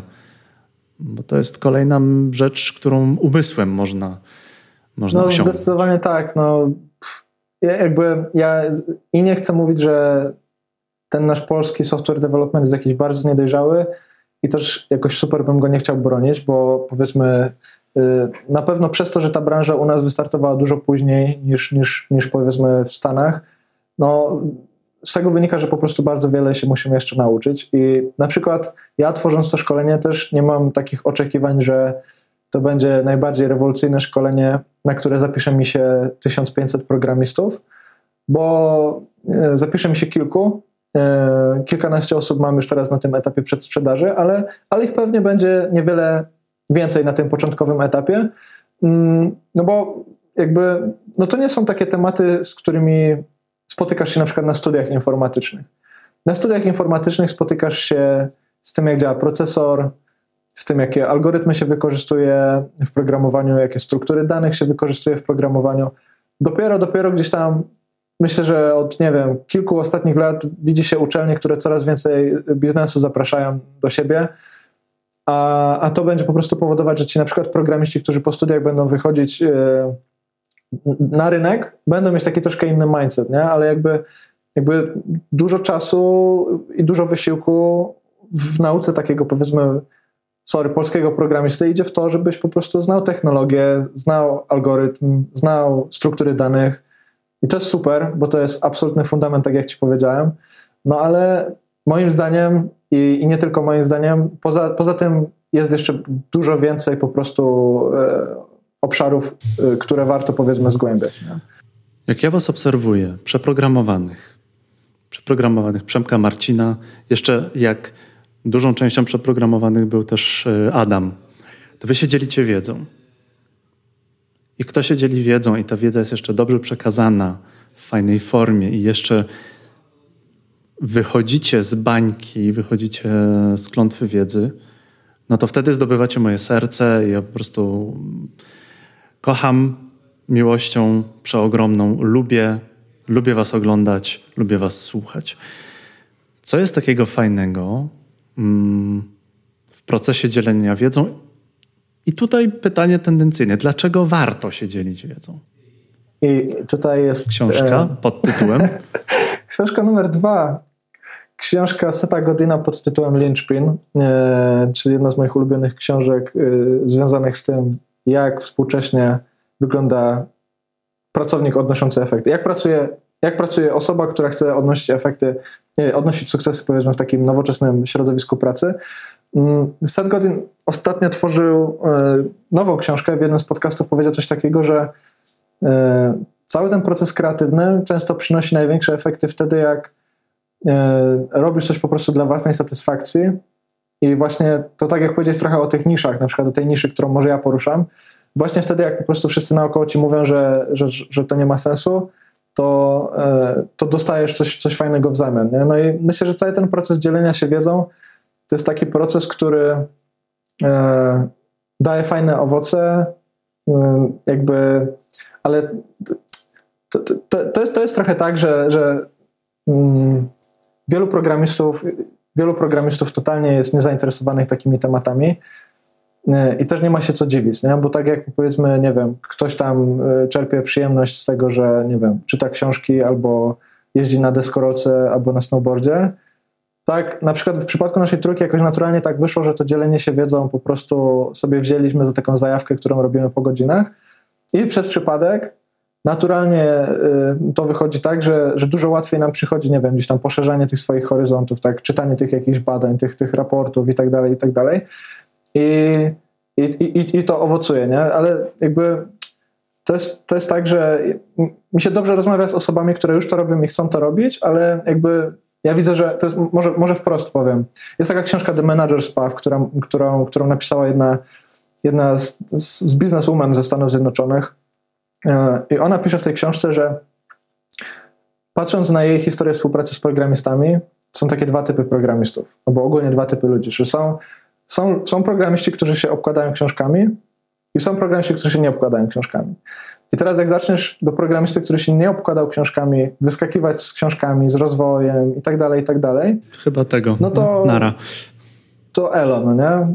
Tam taki coach taki, coach taki. Nie? Więc, więc w tej książce jest w miarę prosto napisane, że po prostu są ludzie, dla których gdzieś tam to przychodzi bardziej naturalnie niż dla innych i, i jakby mi też jest teraz trudno przekonywać ludzi do tego, że to jest super ścieżka, bo to jest super ścieżka, ale też widzę, jak, jak wiele osób jest zmęczonych po 8 godzinach pracy, nie mówiąc o tym, że przed komputerem miałby spędzić na przykład 12 czy, czy 14 godzin pracy. Jak niezdrowe to jest, bo to często jest mega niezdrowe. Nie? Jak często po prostu wymaga to pracy w weekendy na przykład. Ale też daje, daje ogromną satysfakcję. Ja na przykład przygotowując się do Level Up odkryłem tonę jakichś wartościowych badań, e, raportów, czy też przeczytałem tonę artykułów, które mi po prostu poszerzają horyzonty i trochę sobie mówię tak, że niezależnie od tego, czy do tego szkolenia dołączy 10 czy 50 osób, no to ja tą wiedzę mam. Nie? I jakby to był, to, to był ten zwrot z tego przedsięwzięcia. Wiadomo, że to jest płatne szkolenie i coś mi tam wpadnie za to szkolenie, ale jakby u mnie był zwrot już i się dokonał jakby na etapie przygotowywania tego szkolenia. Więc myślę, że to jest taki proces, który, który właśnie płaci ci w momencie, kiedy ci jeszcze nie zapłacił, że tak powiem. Ale mówimy tutaj o tej niematerialnej nagrodzie, tak? Mówimy o takiej nagrodzie, powiedzmy, o takiej wiedzy, którą nabywasz i którą powiedzmy z każdym kolejnym rokiem mhm. pracy w zawodzie możesz wykorzystywać. Tak? To znaczy, nawet jeśli, nawet jeśli nikt ci nie zapłaci za szkolenie, nikt ci nie zapłaci za film na YouTubie, nikt ci nie zapłaci za, za, za bloga, którego przygotowałeś merytorycznie, no to ty tą wiedzę wykorzystasz na przykład robiąc kolejny projekt y, w lepszy sposób, bo na przykład dowiedziałeś się o jakimś wzorcu projektowym, bo jesteś w stanie czyściej rozwijać kod, bo jesteś w stanie szybciej dowozić projekty, E, a to pewnie gdzieś tam w dłuższej perspektywie przełoży się na to, że pracodawca zobaczy, że ogarniasz. No i może, nie wiem, może ci zaproponuje troszkę więcej, może ci zaproponuje inne stanowisko, może ci zaproponuje więcej odpowiedzialności, więc, więc, więc tak. No, czy, czy, czy, czy, czy miałbym zachęcać ludzi do tego, żeby się dzielić wiedzą? Pewnie, że tak. Yy, warto spróbować. Myślę, że to jest proces, który się bardzo spłaca, no ale też od razu chciałbym jakby wspomnieć, że trzeba się nastawiać na taką długoterminową przygodę z tym wszystkim. To znaczy, no jednym, jednym postem się świata nie zmieni, ale jak ci to wejdzie w krew i już przestaniesz liczyć te posty, które napisałeś, no to wtedy myślę, że, że, że coś tam z tego będzie. Chociaż ja tak naprawdę, wiesz, to nie jesteśmy, nie jesteśmy ani ja, ani ty jeszcze chyba, to jest taka wiedza mocno lokalna, nie? I o tym też trzeba pamiętać, że, że tam jak mówimy o, nie wiem, sukcesach dzielenia się wiedzą, no to to są takie sukcesy, no wiesz, no tam wiesz, no 7, 7 tysięcy na, na, 7 tysięcy na YouTubie to jest super rzecz, ale to jest taka lokalna społeczność, nie? Warto o nią dbać i tak dalej, ale też no ludzie codziennie robią inicjatywy, których po prostu nie ma w internecie i też pewnie mają z tego mnóstwo satysfakcji i niech robią, nie? Jeszcze odnośnie dzielenia się wiedzą, to... Mm, Zakładamy, że mówimy teraz do programisty, który lubi się dzielić wiedzą i lubi się obłożyć książkami, bo go kręci e, rozwój. Mówiliśmy o dzieleniu się wiedzą, o tym, że, że warto wrzucać do internetów swoją wiedzę.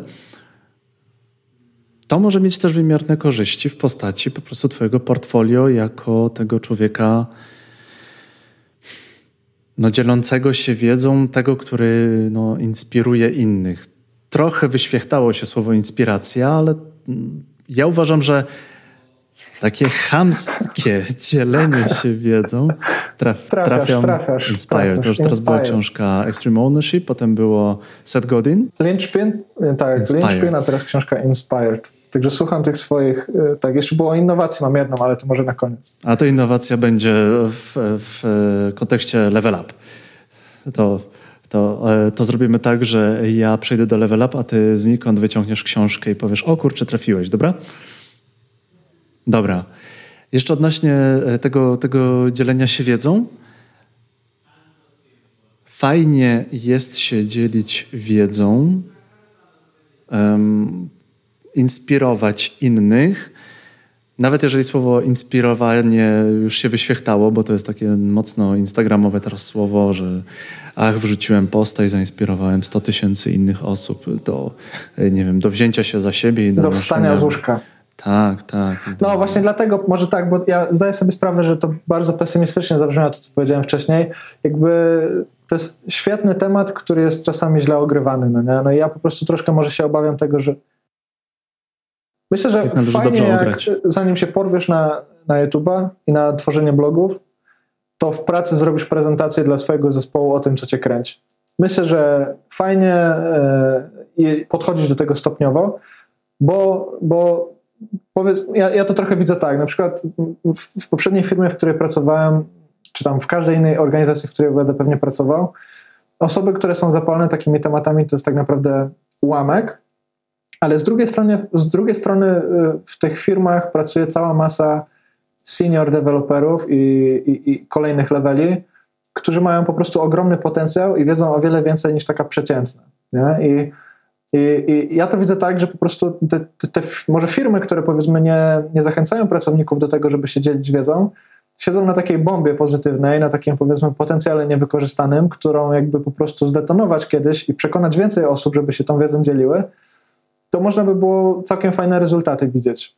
Mówię już czysto biznesowo, nie mówię o takich rezultatach w stylu kogoś nazwisko będzie bardziej znane lub nie wiem, ktoś się poczuje lepiej, tylko po prostu, nie wiem, senior deweloperzy szybciej wdrożą juniorów, przez co juniorzy szybciej nabędą jakieś kompetencje, przez co będą w stanie szybciej kontrybuować, przez co będą w stanie brać udział w procesie rekrutacyjnym, przez co zwiększą pulę wszystkich rekruterów w firmie, przez co firma będzie po prostu, wiesz, lepiej działać i jeśli chodzi o wyniki osiągane, jeśli chodzi o rekrutację na przykład. Nie? Więc powiedziałbym, że jak, że jak interesujesz się dzieleniem się wiedzą i, i obawiasz się tych wszystkich tematów, bo też pewnie możemy zaraz porozmawiać o tym, jak to zrobić poza firmą, ale, ale, ale myślę, że warto zacząć od kontekstu firmowego, nie? czyli zaprosić ludzi na jakąś prezentację, e, zaprosić ludzi do zapoznania się z jakimś artykułem, bo to tak naprawdę od ciebie wymaga wszystkich tych samych umiejętności, które będziesz wykorzystywał robiąc to na zewnątrz, ale jednak to środowisko będzie zdecydowanie bardziej bezpieczne na start. Wiele osób boi się krytyki, wiele osób boi się komentarzy, wiele osób boi się tego, że ja się na przykład bałem tego, że nie wiem, y, ludzie na wsi zobaczą to, co robię, nie? Bardzo prosty przykład, ale, ale czasami masz takie obawy związane z tym, że tak, tak, tak, tak, no po prostu wychodzisz sobie na YouTube i nagle mówisz, że, że cokolwiek, co ty w ogóle możesz mówić, tak? Czemu ty w ogóle możesz cokolwiek na tym YouTubie mówić, nie? Więc y, żeby sobie po prostu troszkę obniżyć próg wejścia i złapać tego bakcyla do dzielenia się wiedzą, to warto poeksperymentować w firmie. Szczególnie jak mamy większy staż, wiemy jak tam ludzie zareagują, y, czujemy się bezpiecznie. Ja na przykład zacząłem robić prezentacje na studiach, na kółku informatycznym. Bo wiedziałem, że tam na to kółko przychodzą ludzie, którzy po prostu chcą to robić, a nie przychodzą ludzie, którzy na przykład, nie wiem, będą jakieś tam komentarze w moją stronę kierować, co może sprawić, że na przykład ja bym tam, wiesz, stwierdził, że no, bawcie się sami na przykład, nie? Więc warto sobie poszukać takiego bezpiecznego środowiska i myślę, że firma to jest często taka, takie miejsce, od którego bym zaczął. Dotknąłeś tematu, um, jak się dzielić wiedzą poza firmą. Ja bym chciał tutaj uniknąć znowu wyświechtanych fraz. Może znajdziemy coś jeszcze. Założyć sobie bloga, założyć sobie kanał na YouTubie, Instagram, wrzucać ciekawe posty na Insta, na Face'a, TikTok. Mm, jak będzie można, no to może wykorzystywać jeszcze spotkania, meetupy, pisać coś, medium, y, Twitter, konferencje. Co jeszcze? Bardzo dużo przypadków pokryłeś, wiesz, tam jakby, tam też działa efekt skali, to znaczy film udostępniony na YouTubie może dotrzeć do kilku tysięcy ludzi. Myślę, że to naprawdę odpowiada potrzebom wielu ludzi, którzy zaczynają, żeby twój film obejrzało tysiąc osób, jakby, nie? Jakby, ja robiłem prelekcję i każdy, robił, każdy prelegent robił prelekcję przed dziesięcioma, dwudziestoma osobami i to wystarczało, więc jak zdecydujesz się na YouTube'a, to naprawdę bym nie kombinował za bardzo, jeśli ten YouTube ci po prostu będzie żarł, że tak powiem, tak? Bo, bo, bo jednak tam jest efekt skali, to w ogóle jest cała rewolucja internetowa, to znaczy dużo szybsze docieranie do dużo większej puli ludzi, więc teraz jeśli, jeśli po prostu będziesz eksperymentował, czy to z YouTube'em, czy to z blogiem, to myślę, że to wystarczy. To są takie media, do których programiści są przyzwyczajeni, e, te tematy się wyszukują, Mm, no i, i, i, warto po prostu, no warto. Myślę, że to jest taka praktyka, która po prostu, jeśli, jeśli zaczniesz to robić z dobrym nastawieniem, nie takim, żeby gdzieś tam stać się celebrytą yy, i tam być, wiesz, kolejnym milionerem poniżej 25 lat, to może być takim fajnym dodatkiem do pracy. Tak, fajnym dodatkiem do pracy, fajnym takim, fajną może taką odpowiedzią trochę na monotonię czasami tego zawodu, przynajmniej w moim przypadku. Mm, na pewno w tym jest część troszkę też łechtania takiego ego. Jak ci ktoś napisze, że robisz fajną robotę, no to spoko, to się cieszę bardzo. Ty też na pewno masz przyjemność, jak ci ktoś napisze, że fajną robotę robisz publicznie, więc yy, przyjemne, tak? Nie musi to być główny motor napędowy, ale jest to spoko, tak? Więc jeśli podejdziemy do tego zdrowo, otworzymy kanał albo stworzymy sobie bloga, albo w ogóle zaprosimy trzy osoby w firmie, żeby o czymś pogadać, to to, to jest dobra decyzja w kontekście programowania. Level up wspomniałeś co to jest, co jest w środku, dla kogo to jest. Level Up to jest taki projekt, który zawsze chciałem zrealizować, a nigdy nie miałem na niego czasu. I też przez długi czas w ogóle nie czułem się osobą, która powinna takie rzeczy robić, bo mm, no ja zawsze, wielu oso wiele osób, które tworzy jakiekolwiek treści, zadaje sobie takie pytanie, czemu ty, czemu teraz, powiedzmy, kto ci jakieś tam daje prawo do, do, do tworzenia szkolenia i, i tam powiedzmy przerób te swoje 30 lat w zawodzie, i dopiero wtedy gdzieś tam dostajesz takie niepisane prawo na, na dzielenie się wiedzą. No ale właśnie ten okres y, takiej tranzycji na tą własną działalność pozwoli mi podjąć taką decyzję. Między innymi dlatego, że no mam, mam, było nie było, mam trzy różne firmy za sobą, mam pracę na kilku różnych stanowiskach, mam za sobą e, półtora roku prowadzenia zespołów e, w dwóch różnych firmach. E, troszkę sobie pooglądałem to, jak firmy rosną. Przez to, że tworzyłem przeprogramowanych w ostatnim czasie, to miałem dostęp do wielu opinii, wielu spostrzeżeń no setek programistów, którzy po prostu pracują w tej branży. E, no i jakby wziąłem to wszystko pod uwagę i zdecydowałem, że powiem o tym, o czym mało kto chce mówić, e, czyli o tym, co mnie interesuje najbardziej, a mianowicie właśnie o tym, jak programista może pracować skutecznie i wychodzić poza, poza te kompetencje techniczne. Level Up to jest szkolenie, które y, tworzyłem przez kilka ostatnich mm, tygodni, co widać też po moich oczach pewnie dzisiaj, podkrążonych. Jest to, jest to szkolenie dla programistów, którzy chcą wejść na kolejny level, że tak powiem. Programistów, którzy spotykali się do tej pory ze szkoleniami technicznymi, związanymi z językami programowania, z bibliotekami, z frameworkami, których jest całe mnóstwo w internecie, no i którzy chcieliby zrobić może troszkę coś innego, tak? Może chcieliby spróbować czegoś, czego nie próbowali do tej pory. Może chcieliby dowiedzieć się czegoś o świecie biznesu, bo zawsze mieli alergię na niego.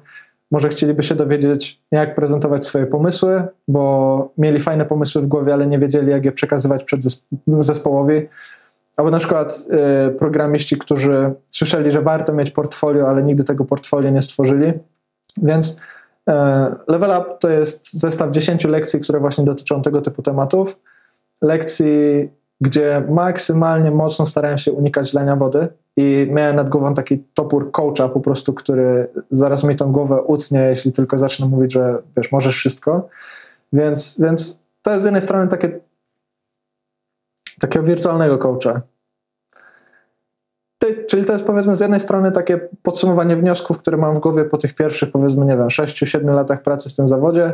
Z drugiej strony to jest zrealizowanie jakiejś takiej mojej bardzo osobistej potrzeby zrobienia takiego szkolenia na taki właśnie temat. No i, no i cóż, no i możemy chyba powiedzieć, że właśnie trwa przedsprzedaż. Rozmawiamy sobie w takim momencie, kiedy, kiedy y, można dołączyć do tego szkolenia, oszczędzając troszkę, troszkę pieniędzy, konkretnie 50% tego, ile to szkolenie będzie kosztowało od soboty. No i chciałbym chyba zaprosić wszystkich słuchających ten wywiad, e, słuchających tę rozmowę, bo po prostu jeśli dotrwacie do samego końca, czy też tutaj, czy też na podcastach, no to chyba znaczy, że takie tematy Was interesują. smyrdek.com slash program myślnik level up. To jest Twój adres? Jak, nawet jak wejdziecie na slash level up, to też zadziała. Mam takie magiczne przekierowanie. Działa. Czary mary, ten to umie w te internety. smyrdek.com slash level up. Smyrdek.com level up do piątku, tak jest? Tak, do piątku zobaczymy jak się, jak się wyrobię z tym przełączeniem przedsprzedaży na nieprzedzsprzedaż, ale 15 stycznia na pewno osoby, które dołączą e, uzyskują dostęp. Wszyscy uzyskują dostęp, bo to szkolenie jest już gotowe. strony są już gotowe, mm, muszę je po prostu tylko wrzucić. Wszystkie filmy są nagrane, wszystkie lekcje są nagrane, wszystkie slajdy są nagrane, wszystkie ćwiczenia są pozbierane, więc e, no, można dołączyć i po prostu czekać, że tak powiem. Jesteśmy e, na początku roku. Jesteśmy w momencie pandemii, jest nam nieprzyjemnie. Nauczmy się czegoś fajnego. Nauczmy się myśleć, nauczmy się czegoś dookoła. Zawsze warto się rozwijać i nie jest to coachingowy bullshit. Warto nowe rzeczy robić, choćby przeczytać książkę. Zauważcie, że ostatnio wybuchło mnóstwo ciekawych i wartościowych programów, um, szkoleń online, kursów online. Według mnie warto Przemka wziąć dlatego, że właśnie spędziliście z nami półtorej godziny rozmowy, gdzie Przemek nie, nie, nie dawał bullshitu, a dawał konkrety. Ja swoją gębą mogę firmować ten, ten e, wywiad, bo ja do podcastu nie zapraszam słabych ludzi. Przemek jest obecnie najczęstszym gościem podcastu, a to dlatego, że dostarcza wartość. smyrdek.com slash levelup tam znajdziecie fajny program, gdzie Przemek pomaga Wam wejść na nowy poziom.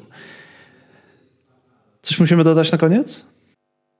Myślę, Jędrzej, że y, po pierwsze chciałbym podziękować, a po drugie myślę, że, myślę, że będziesz pierwszym recenzentem tego szkolenia, bo dostaniesz do niego dostęp i, i po prostu będzie mi bardzo miło, jeśli może na privie podzielisz się opinią, czy faktycznie sprzedają tam bullshit coachingowy, czy nie. Także... No jak sprzedasz bullshit, na pewno powiem, a jak nie, to powiem na pewno, że nie.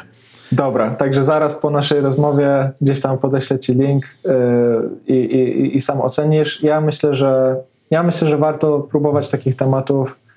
Yy, mam, no w ostatnim czasie i, i sam przeżyłem, i słyszałem historie związane z tym, co daje powiedzmy wychodzenie poza taką średnią tego, kim jest typowy programista, ile typowy programista zarabia i co typowy programista robi. Także, także to szkolenie to jest taka troszkę prowokacja, żeby spróbować takich rzeczy, żeby może e, wyjść poza tą bezpieczną strefę języka, technologii, frameworku. Jeśli spróbujecie, to mi będzie bardzo miło. Bardzo Wam dziękujemy, że byliście z nami. To był Przemek Smerdek, z przeprogramowanych twórca programu Level Up. Przeprogramowanie for life. Prze, przeprogramowanie rules. E, smyrdek.com slash level up. Sprawdźcie, co tam Przemek wam, e, wam zaoferuje. To był kolejny odcinek podcastu Developer Wannabe, tego podcastu, do którego zapraszam mądrych ludzi, zadaję im pytania, drążę, zadaję choćby nawet najbardziej lamerskie pytania. To wszystko nagrywam, potem wypuszczam w postaci podcastu. Każdy dzięki temu może się zainteresować i zainspirować do kombinowania, myślenia, wymyślania do biznesu, do level up. Bardzo Wam dziękujemy, że byliście z nami. Do usłyszenia.